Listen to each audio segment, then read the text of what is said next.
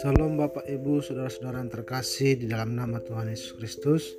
Tiba saatnya kita akan merenungkan kebenaran firman Tuhan yang terambil dari dua Tawarik pasal 12 ayat 1 sampai 21 Sebelum kita merenungkan kebenaran firman Tuhan Mari kita berdoa. Bapa yang baik, kami bersyukur ya Tuhan atas semua anugerahmu dalam kehidupan kami, di mana pada pagi hari ini tiba saatnya Tuhan kami merenungkan kebenar kebenaranmu.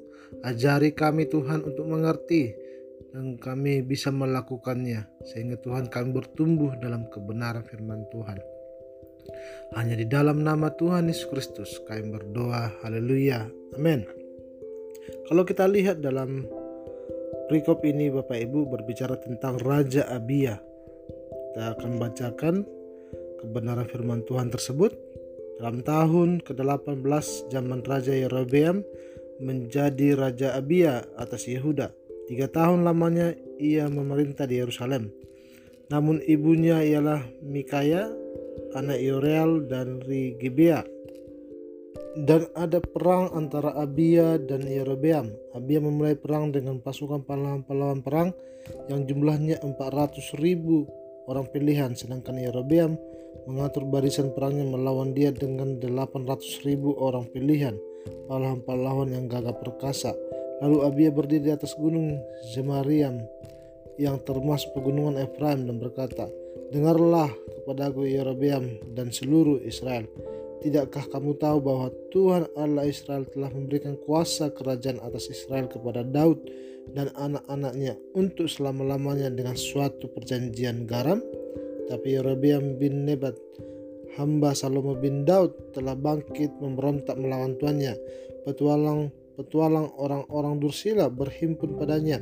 Mereka terlalu kuat bagi Rehabeam bin Salomo yang masih muda dan belum teguh hati dan yang tidak dapat mempertahankan diri terhadap mereka. Tentu kamu menyangka bahwa kamu dapat mempertahankan diri terhadap kerajaan Tuhan yang dipegang keturunan Daud karena jumlah kamu besar dan karena pada kamu ada anak lembu emas yang dibuat Yerobeam untuk kamu menjadi Allah.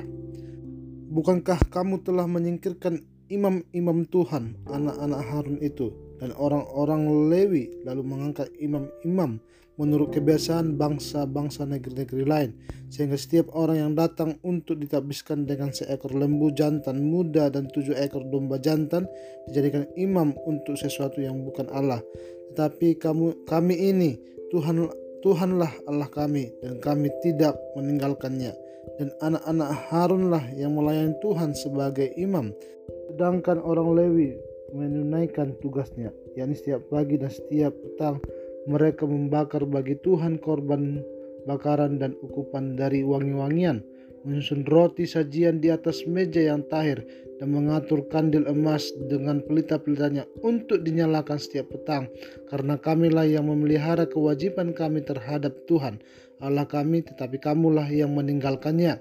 Lihatlah pada pihak kami Allah yang memimpin, sedangkan imam-imamnya siap meniup tanda serangan terhadap kamu dengan nafiri isyarat-isyarat. Hai orang Israel, jangan kamu berperang melawan Tuhan, Allah nenek moyangmu, karena kamu tidak akan beruntung. Tetapi Yerobeam mengirim suatu pasukan penghadang yang harus membuat gerak gerakan keliling supaya sampai di belakang mereka sehingga induk pasukannya berada di depan Yehuda dan pasukan-pasukannya penghadang di belakang mereka. Ketika Yehuda menoleh ke belakang, lihatlah mereka harus menghadapi pertempuran dari depan dan dari belakang. Mereka berteriak kepada Tuhan, sedang para imam meniup nafiri, dan orang-orang Yehuda memikirkan pekik perang. Pada saat orang-orang Yehuda itu memikirkan pekik perang, Allah memukul kalah Yerobeam dan segenap orang Israel oleh Abia dan Yehuda. Orang Israel lari dari depan Yehuda tetapi Allah menyerahkan mereka ke dalam tangan Yehuda. Abia dengan laskarnya mendatangkan kekalahan yang besar kepada mereka. Dari orang Israel mati terbunuh 500 ribu orang pilihan. Demikianlah orang Israel ditundukkan pada waktu itu sedang ya, orang Yahuda menjadi kokoh karena mereka mengandalkan diri kepada Tuhan Allah nenek moyang mereka. Abia mengejar Yerobeam dan merebut daripadanya beberapa kota yakni Betel dengan segala anak kotanya, Yasana, Yasana dengan segala anak kotanya dan Efron dengan segala anak kotanya. Kalau kita lihat dalam perikop ini Bapak Ibu di mana Yehuda yang dipimpin Raja Abia jelas tidak sebanding dengan Israel yang dipimpin oleh Raja Yerobeam.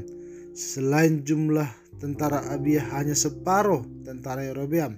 Tentara Yehuda itu adalah orang pilihan karena keberanian bukan pasukan elit gagah perkasa seperti yang dimiliki Israel. Kalau kita lihat juga dalam ayat 4 karena itu ketika memutuskan untuk berperang, Abia tidak mengandalkan kekuatan militernya melainkan kekuatan iman. Strategi penentu kemenangan Abia atas Israel tepat bila disebut sebagai strategi iman atau lebih tepat strategi iman kepada firman perjanjian Allah. Kata-kata yang ditunjukkan kepada Yerobeam bukan saja menantang Israel untuk serius tunduk kepada firman Allah tetapi juga merupakan ungkapan keyakinan iman Abia atas kebenaran firman Allah tersebut. Bapak Ibu dalam kehidupan kita sebenarnya kita harus berjalan dengan iman. Kita belajar dengan uh, kehidupan Abia di mana dia berperang melawan lawannya uh, yaitu pasukan dari Yerobeam. Dia tidak mengandalkan dirinya, tidak mengandalkan kekuatannya. Kalau dilihat dari pasukannya tadi Bapak Ibu setengah dari pasukan Yerobeam. Tetapi kita lihat dalam kehidupan Abia, dia memiliki strategi iman. Ini sangat perlu kita pelajari, kita tiru dalam kehidupan kita. Segala sesuatu yang kita lakukan harus mengandalkan iman atau memiliki strategi iman dan di situ kita akan melihat ada kuasa Tuhan bekerja dalam kehidupan kita. Dan mari kita lihat juga beberapa hal perlu kita cermati dari isi ucapan Abia ini. Pertama, ia mengingatkan bahwa rencana Allah yang kekal untuk Israel berlaku atas garis keturunan Daud di Yehuda dan bukan atas kerajaan utara yang berasal dari pemberontak yang melawan keturunan Daud. Itu dalam ayat 6 sampai 7. Perjanjian Allah atas Daud kekal sifatnya seperti yang dimeteraikan dengan perjanjian garam. Kita lihat di situ Bapak Ibu, dalam Taurat Musa perjanjian yang serius dan mengikat dilambangkan dengan upacara yang menggunakan garam.